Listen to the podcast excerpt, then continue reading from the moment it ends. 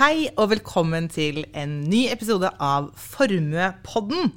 Det første jeg må si i dag, Christian, det er at Formue er kåret til det beste selskapet innenfor private banking i Prospera-undersøkelsen for syvende år på rad. Gratulerer med det, som kan vel si til deg som en representant for Formue. Ja, da kan jeg på vegne av Formue si tusen takk. Ja, men Det er bra. Eh, I dag så skal vi ha en litt sånn temaepisode. Vi, eh, vi skal snakke om rentefond i dag, ikke sant? Det er helt riktig. Ja. Eh, men selvfølgelig, vi må ta en liten recap. Det er 14 dager siden forrige episode, så jeg starter som vanlig med å spørre om, og så ber jeg deg, Christian, om å være kort og konsis, så vi kan snakke om rentefond. Men Christian, hva har Du begynner å bli litt streng. Ja, det, det gjør jeg, men det er fordi du har sagt så mange ganger at det, i dag blir episoden ikke lang, og den blir i hvert fall dobbelt så lang som det du sier. Eh, men eh, det vanlige spørsmålet hva har skjedd i finansmarkedene siden sist?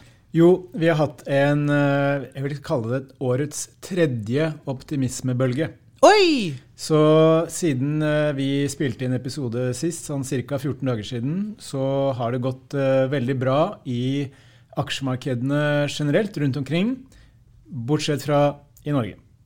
Ja. For her hjemme så har eh, børsen blitt eh, tynget bl.a. av eh, ganske heftig fall i oljeprisen. Mm. Oljeprisen er nå nede på 87 dollar fatet i øyeblikket. ja. Og det knyttes bl.a. til litt sånn ugne utsikter for verdensøkonomien, og dermed etterspørsel. Mm. Men også nå økt usikkerhet rundt det man håpte på skulle bli en gjenåpning i kinesisk økonomi. ja. Men aksjemarkedene globalt eh, er eh, opp. Vi har hatt en periode med hyggelig utvikling også i obligasjonsmarkedet med tanke på avkastning. Eh, og vi har sett en reversering i valutamarkedene med en svakere dollar, en sterkere krone, alt det som pleier å skje når risikoviljen stiger. Mm. Men før vi hopper inn på, på rentesiden og rentemarkedet, så tenkte jeg skulle si litt om hva som har vært de positive tingene som har skjedd da, nå. Mm. Eh, og jeg vil jo si at denne oppgangsperioden den begynte med amerikanske inflasjonstall som ble lavere enn venta. Det ble oppfattet veldig hyggelig. Vi har hatt varmere vær i Europa, og kombinert med veldig høye gasslagre, så har det økt eh, spekulasjonene om den europeiske resesjonen kan bli mindre alvorlig Mm. enn ventet dersom det fortsetter. Vi har hatt eh, et amerikansk mellomvalg som endte i, på godt norsk, uavgjort mellom, eh, mellom republikanerne og demokratene. Og det fører til at vi verken kan få en veldig ekspansiv finanspolitikk, dvs. Si at hvis Biden hadde fått full kontroll, eller beholdt kon eh, kon full kontroll over Kongressen, så ville vi kunne sett enda mer pengebruk. og Det ville kunne vært med på å løfte inflasjonen. Og hvis republikanerne hadde hatt full kontroll over Kongressen, så ville vi kunne sett at pengebruken hadde blitt strammet enda mer inn, Mm. og det ville kunne vært negativt for økonomien. Men her ble det uavgjort, Mm. og det er noe markedene egentlig syns var helt uh, greit. Må jeg spørre, siden du nevner det, eh, hvordan er det med inflasjonssituasjonen nå, da? Nei, altså inflasjonen i USA ser ut til å være på vikende front. Uh, og som jeg nevnte, de inflasjonstallene som igangsatte denne bølgen med optimisme, uh, det var jo avkast, eller unnskyld, inflasjonstall som da falt til 7,7% Så det er fortsatt veldig høy inflasjon. Men ofte for finansmarkedene så er det jo endringstakten man er opptatt av. Ja. Fordi hvis vi antar at stigende inflasjon var negativt for eh, markedene, så må vi også anta at når den inflasjonen da topper ut og begynner å avta, at det vil kunne være en positiv eh, impuls eh, sånn sett. Eh, det som også har vært en viktig greie, er jo forventninger om at Kina er i ferd med å åpne opp igjen økonomien etter covid. Men der ser vi nå de siste dagene at den optimismen får et skudd for baugen. Fordi eh, smitteveksten i Kina den akselererer nå. Den Mm. er ganske heftig. Og det kan bety at myndighetene istedenfor å åpne opp, må stenge ned, mer ned. Eh, og det påvirker også da eh, oljemarkedet, som vi var litt inne på. Mm. Og det siste jeg vil nevne, som også for så vidt eh, var en hyggelig greie, det var jo at eh, president Biden og Xi Jinping, som da er Kinas øverste leder, de møttes eh, over en kopp kaffe eller noe lignende eh, i, på Bali. Mm. Det er jo ikke det verste stedet man kan møtes. Nei. Og etter en lang periode med veldig mye antagonisme mellom USA og Kina, så var bare det at de fikk prate sammen og møtes, det ble sett på som en sånn eh, positiv eh, greie, et steg i riktig retning, for kanskje å myke opp liksom uvennskapet, da, kall det det, mellom USA og, og Kina. Så det, det var egentlig de positive tingene. Men så ser man nok tendenser til at uh, det som kanskje er nok et såkalt bear market rally, Mm. dvs. Si en periode med kursoppgang i det som strukturelt sett er et nedadgående marked, uh, begynner å, å miste litt uh, piff igjen. Fordi vi ser at eh, rentene i USA de har begynt å stige igjen. Vi ser at forventningene til hvor høyt den amerikanske sentralbanken skal heve renten, har begynt å stige igjen etter noen uker med, med fall. Og vi ser også små tendenser til en liten reversering i valutamarkedet med sterkere dollar og svakere krone. Men det er ingen store overraskelser her, eh, egentlig? Nei, det er, jo, det er kanskje ikke det. Men, men som vi har snakket litt om før, og som jeg har skrevet litt om, det er jo sånn at når, når det er veldig mye pessimisme, Mm. så skal det veldig liten dose av gode nyheter til før markedene spretter opp på det. Mm. Fordi vi skal ikke glemme at markedene i, i sin natur vil egentlig opp. Mm. så, man, så veldig mange investorer leter jo etter muligheter for å liksom ha tro på at markedet skal opp igjen. Mm. Uh, men det er klart det er, nok, det er nok litt tidlig å tro at vi skal inn i et uh, bullmarked. Mm. Uh, fordi hvis man ser på en del av de kriterier, eller de, de historiske vendepunktene, da, så har det jo ofte vært kjennetegnet ved at prisingen er mye lavere enn det den er i dag. Eh, vi må også kanskje se et lyspunkt i den økonomiske tunnelen. Eh, og vi må også føle oss kanskje enda mer trygge på at inflasjonen virkelig er på vei ned, slik at sentralbanken etter hvert kan kutte rentene. Mm. Og der, der er vi ikke helt ennå. Så ikke for å male fanen på veggen, men jeg tror kanskje vi må forberede oss på at vi kan få flere perioder med uro. Men det var litt sånn du sa også, som jeg husker konklusjonen på, en måte på forrige, forrige pod for to uker siden, at da også sa du at nå er det mye som på en måte kan peke mot at det kan på en måte se bedre ut, men vi er på en måte ikke klar for en oppgang ennå, fordi en oppgang igjen vil da føre til en nedgang, hvis jeg ikke husker helt Det er feil. helt, helt uh, riktig, og det var litt av det jeg skrev om i min forrige ukes kommentar, som på godt og vondt eh, ble kalt uh, 'ingenting er så godt at det ikke er galt for noe'. Nettopp. uh, fordi det er som du sier, at hvis vi skulle være heldige, da, og amerikansk økonomi unngår resesjon, som man kan argumentere for, at Europa uh, kommer seg til hektene igjen, bl.a. pga. en varm vinter, hvis vi får det, og Kina etter hvert åpner opp, så får vi en verdensøkonomi som kan akselere igjen. Men da er det slik at hvis vi da ikke er kvitt inflasjonsutfordringene, og ikke minst de stramme arbeidsmarkedene, så vil vi kunne få en ny runde med stigende inflasjon, og da må sentralbankene trå til igjen og tråkke på bremsen. Ja. Og da kan markedene bli skuffa. Så på en måte så kan man si at det er også bra at det ikke liksom nå bare fyker eh, til himmels.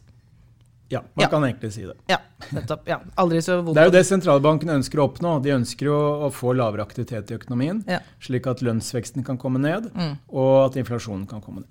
Yes. Var det finansmarkedene? Det var det. Ja. Da er det rentefond. Var det kort nok? Det var kort, og jeg var med på nå å trekke det ut, men jeg måtte liksom spørre om det fra, fra forrige gang, syns jeg, for jeg blir nysgjerrig. Nå er det rentefond. Eh, du får eh, kjøre, Christian. Jo, takk. Eh, det jeg tenkte vi kunne gå litt gjennom i dag, det er rett og slett en huskeliste Ja. for de som har investert i obligasjonsfond eller rentefond, og de som vurderer å investere i rentefond og obligasjonsfond. Og det jeg tenkte vi kunne begynne med da, det er jo kanskje å forklare hva er egentlig et rentefond, og hvilke typer finnes.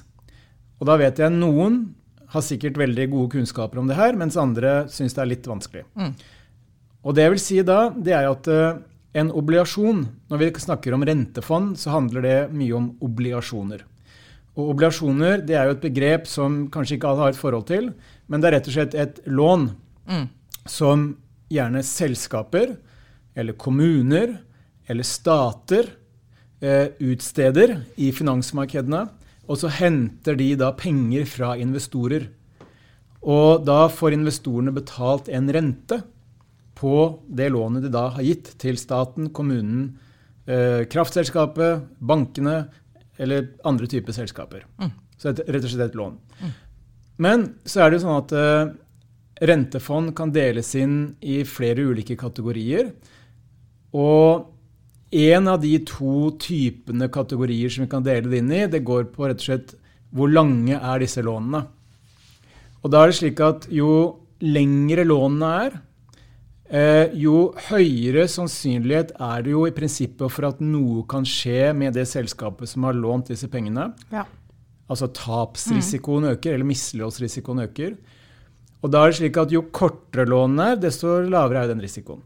Ja. Så en måte å se på obligasjons- eller rentefond, da, det er jo at i rentefond som har en gjenværende løpetid under et år Jeg skulle spørre, Hva er typisk da, hva er tidsskalaen her? Altså Boliglån det er liksom 20-30 år, mens her snakker vi da under et år og til opp til eh, ja, no, Selskapet låner ofte ja, sånn kanskje 10-15 år maks. Ja. Mm. Ja.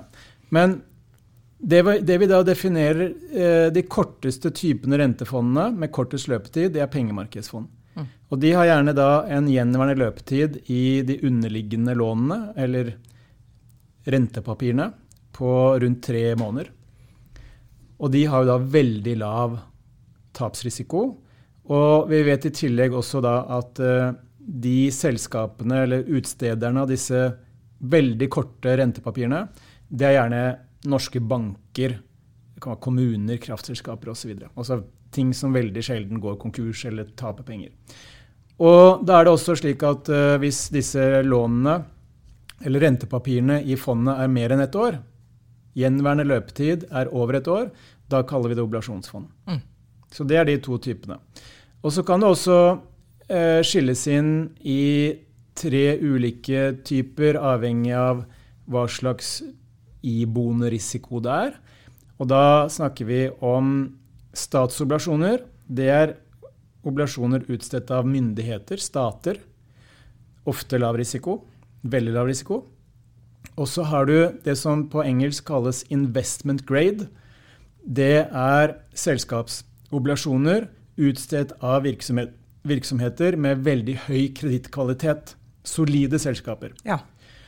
Og så har vi high yield, eller høyrenteobligasjoner. Det er da obligasjoner som er utstedt av selskaper med litt mer frynsete balanser og frynsete mm. gjeldsbetjeningsevne. Mm. Og da er det slik eh, at hvis man da låner penger til den amerikanske staten, f.eks., den norske staten, eller om man skal låne penger til eh, SAS, flyselskapet, så vil man jo kreve mye bedre rente hvis man låner penger til SAS enn fra staten, mm. fordi tapsrisikoen er så mye høyere. Ja. Og det er det vi kan kalle en risikopremie. Mm. Så når vi da skal gå inn på denne huskelisten for obligasjonsfond, så er dette liksom greit å ha i, i bakhodet. Pengemarkedsfond er veldig korte. Mm. Eh, obligasjonsfond litt lenger. Og obligasjonsfond deles da hovedsakelig inn i investment grade, mm. altså solide utstedere, og high yield, eller på norsk høyrente, som er litt mer frynsete ja. utstedere. Mm. Og Det som også da er viktig å ta med her, det er at når man skal se på liksom avkastningsutsikten eller avkastningen som man får fra obligasjonsfond eller rentefond, så kommer det i hovedsak fra tre kilder. Det ene er det løpende rentenivået som man har i oblasjonene eller i rentefondet. Og det er jo en, en, sum, det er summen av det som er liksom den, altså den generelle renten i markedet i øyeblikket, mm. pluss dette risikopåslaget. Det er de to komponentene som er de viktigste, som utgjør da den løpende renteavkastningen. Ja. Men det som da påvirker verdiutviklingen i obligasjonene, det er endringer i markedsrentene og endringer i risikopåslagene. Ja. ja. Så hvis vi da begynner med utgangspunkt i at man har investert i obligasjonsfond f.eks. i 2020 eller 2021 eller 2019 eller hva det måtte være, så skal vi se litt på hvordan man skal tenke på oblasjonsfond som eksisterende investor. Og det første jeg vil begynne med da, det er jo hvis vi tar utgangspunkt i at vi i 2019 eller 2020 eller 2021 hadde et mye lavere rentenivå enn i dag. Og man i tillegg hadde da periodevis i hvert fall veldig høy risikovillig blant investorene, så bidro det til at når man kjøpte obligasjonsfond f.eks. i 2021, da, så kjøpte man obligasjonsfond med en langt lavere løpende renteavkastning enn det man f.eks. kan gjøre i dag. For da hadde vi et lavrenteregime med høy risikovilje, og det betydde lave markedsrenter og et lavt risikopåslag. Og det betydde jo da på det tidspunktet at uh, man hadde veldig lav evne i obligasjonsfondene til å håndtere en periode med stigende renter dersom man ønsket å unngå negativ avkastning. Mm. Fordi når man da har et så lavt rentenivå, så tåler jo obligasjonsfondet mye mindre negative kursimpulser mm. Før avkastning blir negativ. Det sier seg selv. Så terskelen for lav, for, for lav, eller negativ avkastning var mye lavere når du da investerte i obligasjonsfond med en lav rente. Og så kom 2022, og det har jo da blitt en perfekt storm på mange måter for obligasjoner. Vi har hatt den høyeste inflasjonen siden 70-80-tallet. Og det har bidratt til eh, den kraftigste renteoppgangen på mange måter eh, på kanskje 40 år. Ja, det er såpass, ja.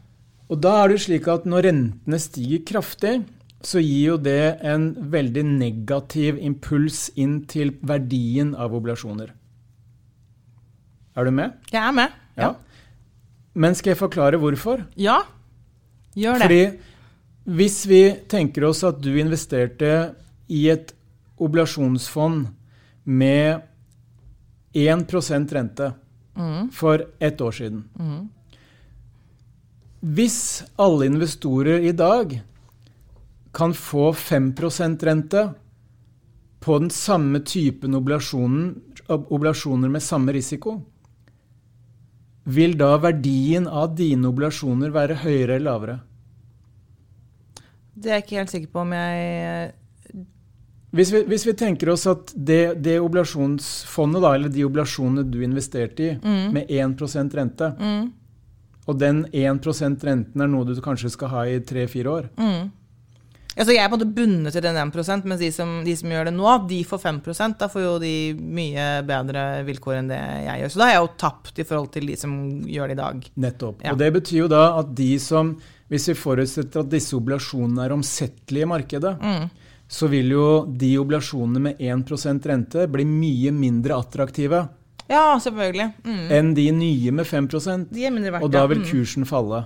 Ja. Og det er litt av sånn, den enkle mekanikken da, på å prøve å forstå hvorfor oblasjoner faller i verdi mm. når rentene stiger. Ja. For da blir de nye oblasjonene mye mer attraktive. Da faller jo kursen på de gamle, som det har en lavere rente. Ja, nettopp. Mm. Og Det vi også har sett gjennom 2022, det er jo i tillegg til at markedsrenten har steget, så har vi også sett liksom gryende resesjonsfrykt, dårligere økonomiske tider. Og Da tenker også investorene at ok, da er det en del selskaper som klarer, klarer, kommer til å få større problemer med å betjene gjelda si. Mm. Det er mer risiko, da. Ja, mer risiko, og da stiger disse risikopåslagene. Ja. Eller kredittspredder, som det heter på, på veldig fint. Mm.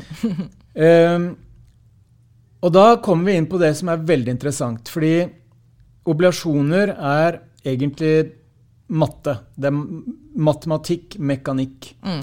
Fordi hvis du kjøpte disse oblasjonsfondene på 1 rente da, for et år siden, eller et og et halvt år siden, så har du jo nå ganske store verdifall på disse oblasjonene mm. fordi renten har steget så mye. Men hvis du da sitter til disse oblasjonene forfaller, dvs. Si at du ikke selger dette oblasjonsfondet underveis fordi du er irritert, så er jo faktisk den 1 eller 1,5 det er det du ender opp med. Mm. når du sitter til disse oblasjonene har forfalt, kanskje fire-fem år frem i tid. Mm. Og grunnen til at du da faktisk ender opp med å få denne 1,5 selv om du i dag har kursfall, det er jo at rentene har steget. Mm. Så på de nye oblasjonene, oblasjonene som fondet ditt må ut og kjøpe i markedet etter hvert som de gamle forfaller, de har jo denne nye høyere renten. Mm. Og det betyr jo at de, liksom, den, den, nye renteavkastningen da, i oblasjonsfondet gradvis blir høyere og høyere og høyere. Og da tar du igjen det tapte, Ja. slik at du ender opp med de 1,5 til slutt. Så, så, det å selge seg ut av obligasjonsfond som da har et verdifall, det er egentlig å si nei takk til å hente det tapte tilbake Ja, det på en er- mye raskere måte. Ja, så det er mulig, for jeg skulle nå til å spørre, for hvorfor vil man i det hele tatt, hvis da renta er så lav i utgangspunktet, så vil du jo på en måte vite at det er grenser for hvor mye mindre renta kan gå ned. Den kommer til å gå opp. Hvorfor ville man da i det hele tatt kjøpe obligasjoner når renta er så lav? Fordi da vil jo automatisk, selv om du ikke vet når det skjer, så vil det automatisk da det skje at de blir mindre verdt. Men så sier du da at eh, hvis man da står i det, så det er en mulighet der. Ok, da skjønner jeg. Mm. Og så var det jo sånn for ett år siden, eller ett og et halvt år siden, man visste jo ikke at rentene skulle stige så kraftig. Ikke så kraftig, men du vet når det er så lavt altså Det har vært ekstremt lav rente. Du vet at det kommer til å gå Det kommer til å snu på et eller annet tidspunkt. sånn- Ja, men samtidig så er det egentlig ingen som vet når det skjer. Og og da tenker man at ok, obligasjoner de gir bare 1,5 rente, Mm. men de har tross alt ikke sånn all verdens risiko, Nei. tenker man. Ja. men så kom jo da det største renteoppgangen på 40 år. Ja, for det er det som da gjør at det blir en risiko, fordi det har vært så voldsom renteoppgang. Mm. Yes, yes. Så den, den lave avkastningen som man da kjøpte på for et år eller to år siden, det er den man ender opp med til slutt, så lenge man ikke selger, Mm. og så lenge ikke verden faller sammen, Ja. og man får mer mislighold i disse porteføljene enn det man trodde på tidspunktet. Det er mange som jobber for at verden ikke skal falle sammen, så det er ganske usannsynlig at det skal skje. Det er det. Og bare for å gjenta litt dette med oblasjoner i et, i et marked med stigende renter. Fordi et oblasjonsfond har hele tiden oblasjoner som forfaller. Og de forfaller jo da til den kursen de ble utstedt på. Eh, fondet kjøper nye oblasjoner som nå har en høyere rente hele tiden som de gamle oblasjonene forfaller. Og Det betyr jo da at sakte, men sikkert så får man en høyere løpende renteavkastning i oblasjonsfondet sitt, og man tar det tapte verdifallet stadig raskere igjen. Så det er liksom mekanikken, matematikken i det. Men som eksisterende oblasjonsinvestor da, så skal man være klar over at underveis så vil verdiene uansett kunne svinge, både opp og ned, avhengig av hvordan det går med markedsrentene og hvordan det går med risikopåslagene. Det betyr jo at hvis vi da kommer inn i en periode nå, som vi har sett de siste ukene f.eks., hvor markedsrentene faller, fordi markedet tror at inflasjonen er på vei ned, sentralbankene vil etter hvert begynne å kutte, og stemningen blant investorer blir bedre, da faller jo både rentene og risikopåslagene samtidig. Og det er jo best case for oblasjoner, for da stiger verdien. Men vi kan også få en situasjon f.eks. i 2023 hvor frykten for resesjon øker ytterligere. Da skal markedsrentene ned. Men da vil risikopåslagene kunne stige. For da oppfatter investorene at ok, nå er det litt større sannsynlighet for at flere selskaper vil misligholde gjelda si. Mm. Så da vil rentefallet virke positivt, men utgangen i risikopåslagene den vil virke negativt. Og da vil liksom summen av disse to driverne på avkastningen du får, være avhengig av hva slags type obligasjonsfond du har. Ja. Så det er egentlig det viktigste når det gjelder det å ha investert i obligasjonsfond. Mm. Man gikk inn på lav rente. Det har gått dårlig fordi renten har steget så innmari mye. Mm. Men man bør ikke selge, fordi at det er jo nå man tar igjen det tapte raskere. Mm. Så nå har man egentlig en mye høyere rente, en mye høyere avkastning i obligasjonsfondet. Og da tar man det tapte igjen Mm. Raskere. på en, på en raskere måte. Ja. Og så, hvis vi da skal se litt på Hvis man nå har penger som skal investeres, Mm. så er det jo slik at uh, dette er en gavepakke på mange måter, det som har skjedd i rentemarkedet. For det betyr jo at hvis man har penger som skal investeres fremover, så betyr jo det at man ikke har nødvendigvis vært med på den nedturen i kursene som har vært gjennom 2022. Og da kan man begynne litt på nytt holdt på å si, og gå rett inn i obligasjonsfond som kanskje nå har 5-6 løpende renteavkastning. Mm. Og det er virkelig en gavepakke. Så for globale investment grade-obligasjoner Investment grade var altså selskapsobligasjoner med solid ja. kredittrating. Ja. Så har man nå det høyeste rentenivået i prinsippet siden 2009. Mm. Og det betyr også da at når man har en høyere løpende renteavkastning, så betyr det også at uh, obligasjonene har bedre evne til å håndtere negativ kursutvikling, enten ved at rentene stiger og eller at risikopåslagene stiger, før man igjen får negativ avkastning. Så det er liksom hele poenget her, sammenlignet med for ett eller to år siden, hvor den løpende renten var kanskje 1 eller 1,5% så tåler man mye mindre juling før avkastning blir negativ. Mm. Hvis man kjøper obligasjonsfond med en 5% rente, så tåler man mye mer juling før det blir negativ avkastning. Mm. Mm. Og det er veldig bra. Så nå er det bra, hvis du vil ut og investere? Ja. ja. Og igjen, forutsett at man har en langsiktig horisont, kanskje fire, fem, seks år. Og at man ikke selger underveis, selv om det skulle bølge i verdien også da. Ja. Fordi nok en gang, kjøper man selskapsobligasjoner med høy kredittkvalitet i dag til 5 så er jo det faktisk det man kommer til å ende opp med mm. om fem-seks år per år. Mm. Så fremt man ikke selger, og så fremt verden ikke faller sammen. Ja. Men det som også er bra i dag, det er i motsetning til f.eks. i 2021-2020. Da var jo både markedsrentene veldig lave og kredittpåslagene veldig lave. Og da var det som du sa, da er det liksom veldig sånn, da er det en asymmetri. Mm. Altså Da er det mye større sannsynlighet for at dette skal opp, enn at det skal veldig mye mer ned. Mm. Men når man da har sett at markedsrenten har steget, kredittpåslagene har steget, så er det i dag mye bedre symmetri, som jeg liker å kalle det. Mm. Både for hvor rentene skal gå, og hvor risikopåslagene skal gå. Fordi hvis vi nå f.eks. går inn i et, eh, et, år hvor inflasjonen er på vei ned, mm. så er det større sannsynlighet for at markedsrentene også vil gå ned. Mm. Og det vil da være en positiv driver for verdien av oblasjoner. For det er ganske, altså Inflasjonen må jo ned, så vi skal jo inn i et år hvor inflasjonen skal tvinges gradvis nedover. Det er vi enige om. Ja. Av, av forskjellige årsaker. Ja. I tillegg, på risikopåslagene, så er det jo også slik at hvis vi skulle få en situasjon hvor veldig mye går i riktig retning, mm. hvis inflasjonen kommer ned, vi unngår en dyp global resesjon, sentralbanken etter hvert begynner å signalisere at de kan kutte rentene, eh, så kommer risikoviljen i markedet tilbake. Og da kan vi også se lengre perioder, kanskje, hvor kredittpåslagene faller. Og da vil det kunne bli et veldig godt år for obligasjoner, i hvert fall vesentlig bedre enn 2022.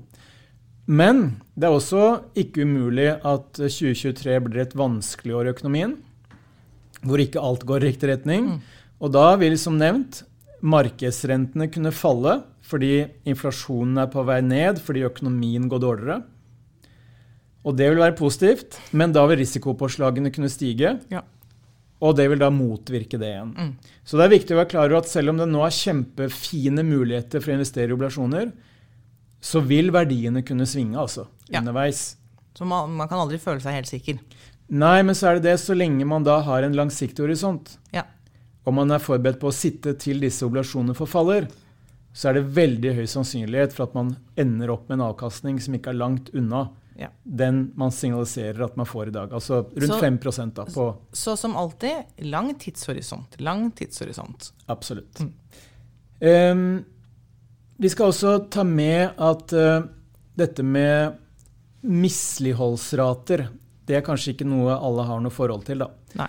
Men det vi er opptatt av når vi ser på hvilken avkastning som er sannsynlig, mm. så var det som jeg nevnte, at hvis man da f.eks. har en løpende renteavkastning på 5% i globale obligasjonsfond eller norske obligasjonsfond med høy kredittkvalitet i dag, Mm. så er det den avkastningen man kommer, kommer til å ende opp med å få, så fremt man ikke selger underveis, og det ikke oppstår uventet mislighold. Altså større tap på disse obligasjonene enn det markedet tror. Mm. Og da er det kjempestor forskjell mellom investment grade-oblasjoner, altså de med høy kredittkvalitet, og høyrenteobligasjoner eller high yield, de med lav kredittkvalitet. For mislighold det kommer da av selskapet går konkurs. Ja, eller, eller bryter eh, vilkårene i låneavtalene sine. Ja. Det kan f.eks. være at de ikke klarer å betale renter og avdrag i en måned eller tre. Eller det kan være sånne betingelser i låneavtalene Ja. som da utløser et mislighold. Mm. Men hvis vi da ser på data siden 1980, så har vi sett at tapsratene, altså misligholdsratene på investment grade, har vært fra null i et kalenderår til 0,42% på det meste. Det høres ganske lite ut. Yes. Ja. Gjennomsnitt 0,1. Ja. Veldig lite. Det er lite. Mens for high yield så har dette ligget mellom 0,9 på det laveste i et kalenderår, opp til 11 okay, ja, I et kalenderår. Ja. Mm. og med et gjennomsnitt på rundt 4. Hmm. Så da ser du at uh, hvis dette blir et veldig dårlig økonomisk år, da, som vi er på vei inn i, så vil high yield-oblasjoner, som i øyeblikket gir en løpende renteavkastning på nesten 10% Mm. altså veldig heftig, Ja, de vil kunne få større tap enn investment grade. Man kommer typisk da i et dårlig år til å bevege seg mer mot at det er nærmere 11% som misligholder enn 0,9 som misligholder. Yes. Mm. Men når du da likevel har 10% løpende rente, Mm. så sier det seg også selv at selv på high yield så tåler man mer juling Ja. før du igjen får negativ avkastning. Mm. Og det er jo det som nå er så kall det attraktivt da, med obligasjoner, at man tåler mer juling før det blir negativt. Og etter hvert som ting blir bedre igjen, så vil man ende opp med rundt, forhåpentligvis, den avkastningen som man signaliserer i dag. Ja. Forhåpentligvis. Og så vil jeg avslutningsvis også si at uh, hvis man ser på aksjer sammenlignet med obligasjoner, så vet vi at både aksjer og obligasjoner har falt i kurs, eller falt i pris. Og begge deler har blitt, kall det billigere, i anførselstegn, enn det det f.eks. var ved inngangen til 2022. Men hvis man da sammenligner avkastningsutsiktene i aksjemarkedet med avkastningsutsiktene i obligasjonsmarkedet, så fremstår oblasjoner faktisk mer attraktive Mm. enn aksjer i øyeblikket. Mm. Så det skal man også ta med seg. Ja. Så bare verdens dummeste korte spørsmål fra meg her da. Så aksjer, da kjøper man en bit, bitte liten, eller eventuelt en stor, men som småmeter en bitte liten del av et selskap. Mens obligasjoner, da låner du bort penger til et selskap eller Helt, ja. ja. Mm. Man kan si det på den måten at når man kjøper aksjer, Mm. så kjøper man jo en del av egenkapitalen i selskapet. Ja. Mens når man da investerer i oblasjoner, kanskje fra det samme selskapet, Mm. så investerer man jo i fremmedkapitalen i selskapet, eller gjelden. ja. Mm. Så egenkapital, gjeld, Mm. to forskjellige ting. Men det som også er viktig å huske på, det er jo at eh, når man investerer da i aksjene, så har man jo ingen Man har ikke noe avtale på hvilken avkastning man skal få. Nei. Man tar jo en risiko på at dette selskapet skal bestå, Mm. og at de skal generere lønnsomhet, som blir belønnet av investorene med kursoppgang og utbytter over tid. Yes. Mens når man da investerer i selskapets fremmedkapital, eller oblasjonene, Mm. så har man jo faktisk en avtale Ja. på hvilke renter man skal få, Mm. Og under hvilke forutsetninger det vil skje. Mm. Og så er det også slik at hvis det selskapet går konkurs, hvem er det da som står først i køen når verdiene i boet skal gjøres opp? Det er de som har lånt bort penger. Yes, Mm. det er fremmedkapitaleierne. Mm. Og hvor står egenkapitaleierne? De står bakerst med lua i hånda. Ja. Og derfor så har oblasjoner lavere risiko Ja. enn aksjer. ja. Og over tid, hvis du da har høyere risiko når du investerer i aksjer enn i oblasjoner, Hvem skal da få høyest avkastning over tid som kompensasjon for risiko? Nå setter jeg litt på spissen her. Hva da? Altså hvem som får Det, det må jo være aksjer. eh, Yes. Ja. Mm. Så fordi aksjer har høyere, høyere risiko, Ja, ja. så krever investorene en høyere Ja. kompensasjon for den risikoen enn i oblasjonsmarkedet. Derfor skal aksjer over tid gi høyere avkastning enn oblasjoner. Så det er jo de helt vanlige logiske reglene. Det er ganske mye logikk i det her. Det er mye, mye logikk i, i det her. Eh, da lurer jeg på, for nå begynner vi å nærme oss eh, at klokken er slagen. Eh, har du lyst til å Hva, hva er det som er de viktigste take home messages fra dette vi har gått gjennom nå på rentefond? Er det mulig å ta en eh, superrask recap eh, her? Ja, jeg skal gjøre mitt beste. Hvis du har investert i obligasjonsfond og er litt eh, frustrert over kursfallene, eh, smør deg med tålmodighet, fordi det er ren mekanikk at de kursfallene de har utløst en høyere løpende renteavkastning automatisk, som betyr at du nå tar igjen det tapte mye raskere enn før. Og du kommer til å ende opp med veldig høy sannsynlighet med den avkastningen som du gikk inn på. For de som vurderer å investere i obligasjonsfond nå, så har vi kanskje et av de mer attraktive obligasjonsmarkedene på veldig lenge, med tanke på et høyere rentenivå, og som da gjør at investeringen din tåler mer juling i form av eventuelt ny renteoppgang og at risikopåslagene stiger før du igjen får negativ avkastning. Så dette har egentlig vært eh, en liten sånn gjennomgang hvor vi prøver å se litt på mekanikken, hvordan Mm. ting fungerer. Og prøve å oppsummere, lage en liten huskeliste for de som har investert, og for de som vurderer å investere. Nettopp. Veldig bra. Tusen takk, eh, Christian Lie, sjefstrateg i Formue. Og før jeg takker helt av for i dag, så vil jeg bare si at på førstkommende onsdag, det er to dager til fra vi sitter på innspilling her, Førstkommende onsdag så er det Formuedagen på The Hub, og der blir det mange spennende gjester. Jeg skal selv være moderator der, så da håper jeg at jeg ser noen av dere der altså på førstkommende onsdag. Og da eh, gjenstår det å si eh, tusen takk til deg som lyttet.